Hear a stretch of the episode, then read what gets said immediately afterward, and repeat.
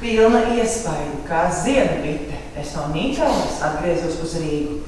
Ragans tēls jau izveidojies stāvēja man acu priekšā un prasīja, lai ātrāk vietu ielaiž pat apšanas durvīm.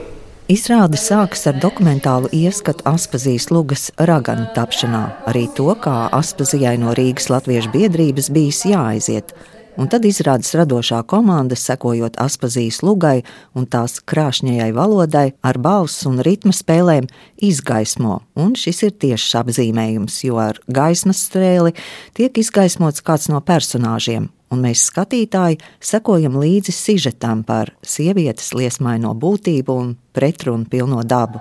Kas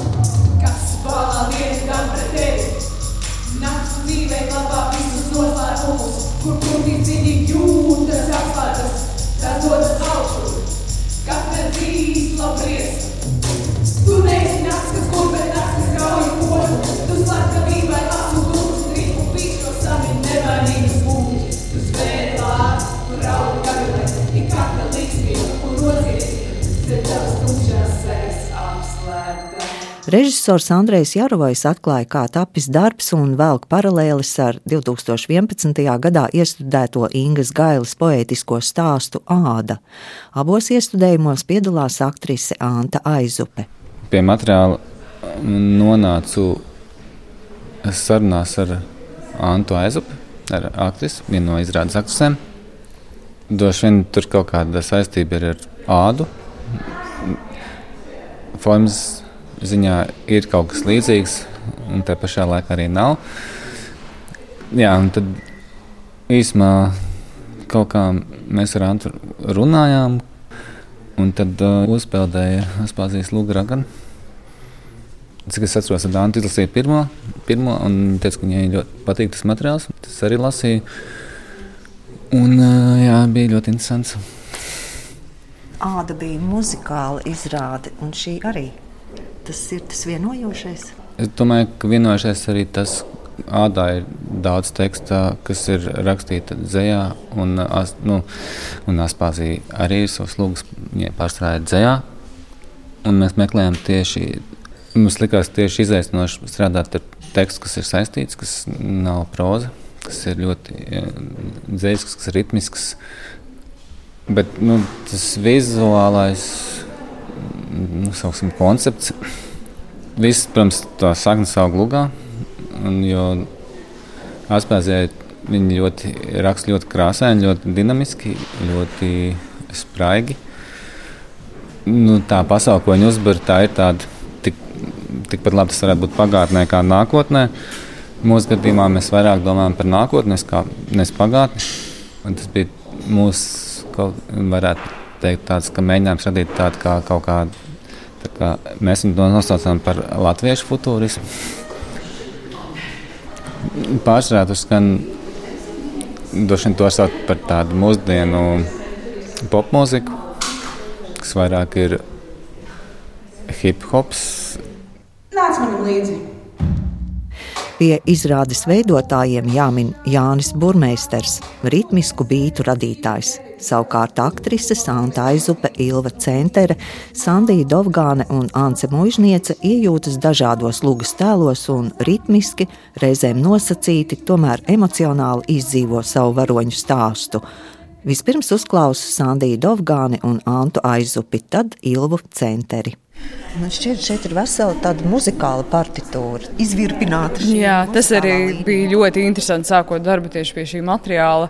Kā savienot apziņas tekstu ar uh, šo ritmisko dziedājumu, vai arī hip hopu, repa stilu. Tā tas bija vislielākais, manuprāt, izaicinājums. Kā Jā. to salikt kopā. Jo nu, mēs uh, ļoti daudz nemainījām šos tekstus. Līdz ar Jā, to gandrīz vispār, gandrīz vispār ne, nemainījām. nemainījām. Un līdz ar Tikai... to tie ir oriģināli apziņas teksti, kas ir ielikti šādā ritmā un veidā. Man ir pieredze ar Andreju ādu veidojot. Es apmēram jau sapratu, varbūt man bija bišķiņ vieglāk saprast, ko un kā. Un tā mēs kopā soli pa solītam tikām, tikām galā. tas ir apbrīnojami, ka apziņas teksts ļaujas arī šādiem mūsdienīgiem ritmiem un jā, jā, bet nu, mēs strādājām pie tā ļoti, ļoti daudz. Ļoti daudz. Šis ir ģērtrūdas ielas teātris, un mūsu režisors ir Andrēs Jaravojs. Andrēs Jaravojs īpaši izceļas ar to, ka viņam vispār patīk darīt kaut ko, kas ir nu, neparasts. Meklēt jaunas formas, jaunas materiālus, nu, ļoti daudz un dažādas lietas, kā var pieiet kaut kam pa jaunam tā teikt. Jā. Jūsu uzdevums nav viegls manā skatījumā. Nu, reps, jā, esmu reps. Domāju, tagad nu, tāda Latvijas repa zvaigznes tagad tā ir. jums skatīties. Jā, var, jā. Daži jau šodien esot jau daži bijuši uz izrādi, jā. Man nav īsti pieredzes kā nu, dziedātājai.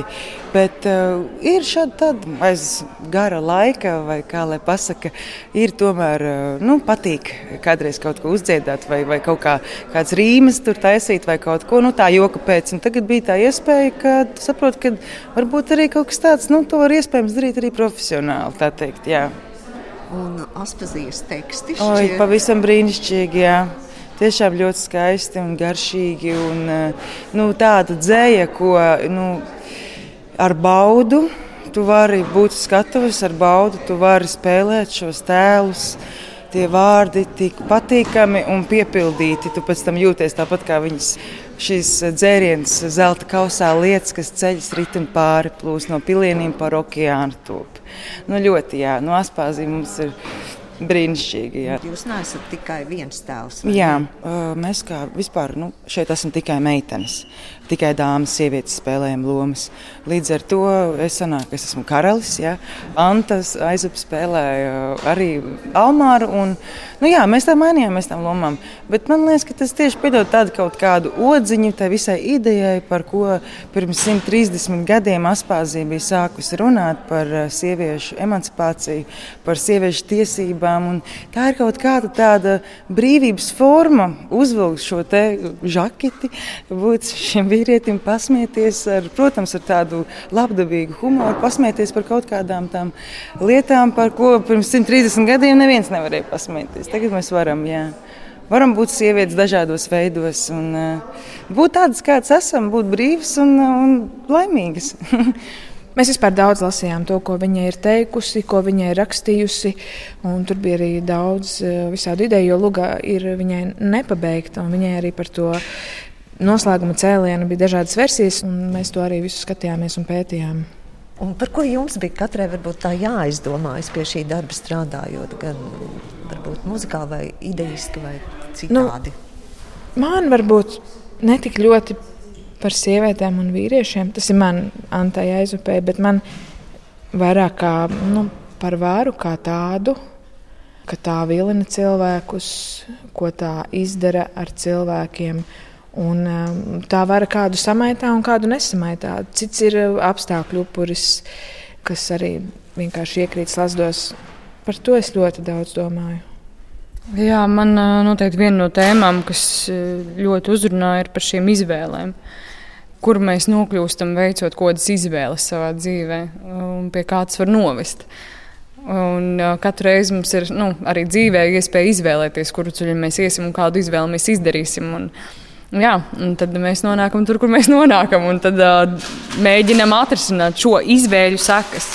Kad režisoram jautāja, kas saistīs viņu šajā darbā un kas raisīs vislielāko interesi, gūstu atbildi, ka visinteresantāk bija strādāt ar pašu Aspazijas tekstu. Tas process vairāk bija tādos tā posmos. No sākuma mēs ar Antu Dievtā strādājām ar lūgu, ar tekstu, skatījāmies, kādi tie ritmi, kā, ko tā valoda, kādi tēli Protams, ka oriģinālā lugā ir daudz vairāk blakus personāžu, bet mūsdienās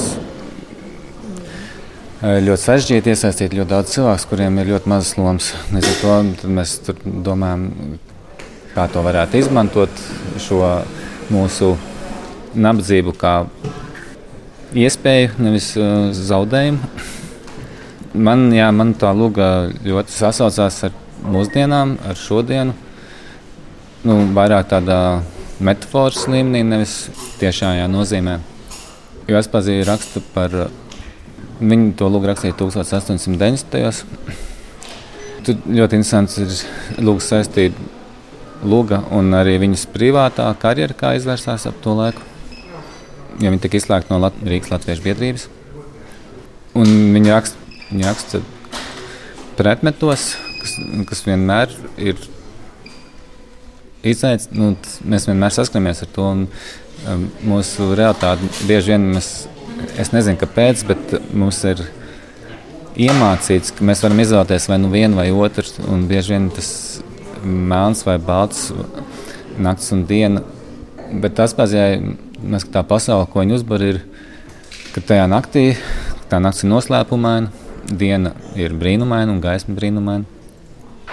Un tā pašā laikā neviens no šiem fenomeniem viņi tāpat atstāja, uz, uzdodot mums jautājumus, jo mūsu skatiens vienā gadījumā tiek, kaut kas tiek noslēpts, otrā gadījumā mūs apžilbina. Un par tiem pretmetiem jā, viņi ļoti spēlēs ar to tumsu un gaismu. Un viņa mīla, vāra, tradīcija, progress. Tas, kas saistās ar tām mūtēm, ir mm, tas nemitīgais balanss meklējums. Mm. Rast to līdzsvaru tām lietām, neieslīgt varbūt nevienā, ne otrā, jo nu, vienlaicīgi tajā pašā laikā arī akceptēt, ka ir gan tas viens, gan tas otrs. Izrādes vizuālo tēlu paspilgtina kostīmu mākslinieces Ievas Veitas Breidakas radītie tērpi vai kāda spilgta detaļa. Par izrādes vizuālo risinājumu turpinu sarunu ar aktrisēm. Jā, noteikti. Vis, vis, vislielākais paldies kostīm māksliniecei Ievai Veitai, kura arī, nu, protams, sadarbībā ar Andreju ciešā. Viņa atkal strādāja savā blokā un tad uh, nāca ar mums runāt. Un, bet, piemēram, raganas maskas mēs katrā taisījām savu pati. Jā. Kas man patīk šajā izrādē, nu, man, man šķiet, ka tā pirmā daļa ir vairāk tāda, kamēr skatītājs saprot, kas tur notiks, lēnām, lēnām sāk saprast. Un tā pirmā daļa, tāda, tur ir tādi komiski mirkļi. Un, un, un tad otrajā daļā jau nav vairs nekas komisks. Šķiet, tā sajūta, ka mēs esam tā, tā un tā, un rekur maskas, un rekur žaketes, un džemperi, un tas. Un tad pēkšņi pēkšņi es jau saprotu, ka es jau esmu pati arī ievilkta kaut kādā virpulī. Tādā. Man nu, tas brīnišķīgi, ka tas ir izdevies, jo, jo tas nevienmēr izdodas. Ieceras jau ir visādas. Wow, mums ragarnā nav sirds, ko tas vietā šeit, tas vietā šeit mums krūtīs ogle degošā. Aspazijas Lūga Ragana Andreja Jāruvoja radošajā interpretācijā uzrunā mūsdienu skatītāju, jo personības veidošanās ceļš aizvien svarīgs, lai kādā laikā mēs dzīvotu.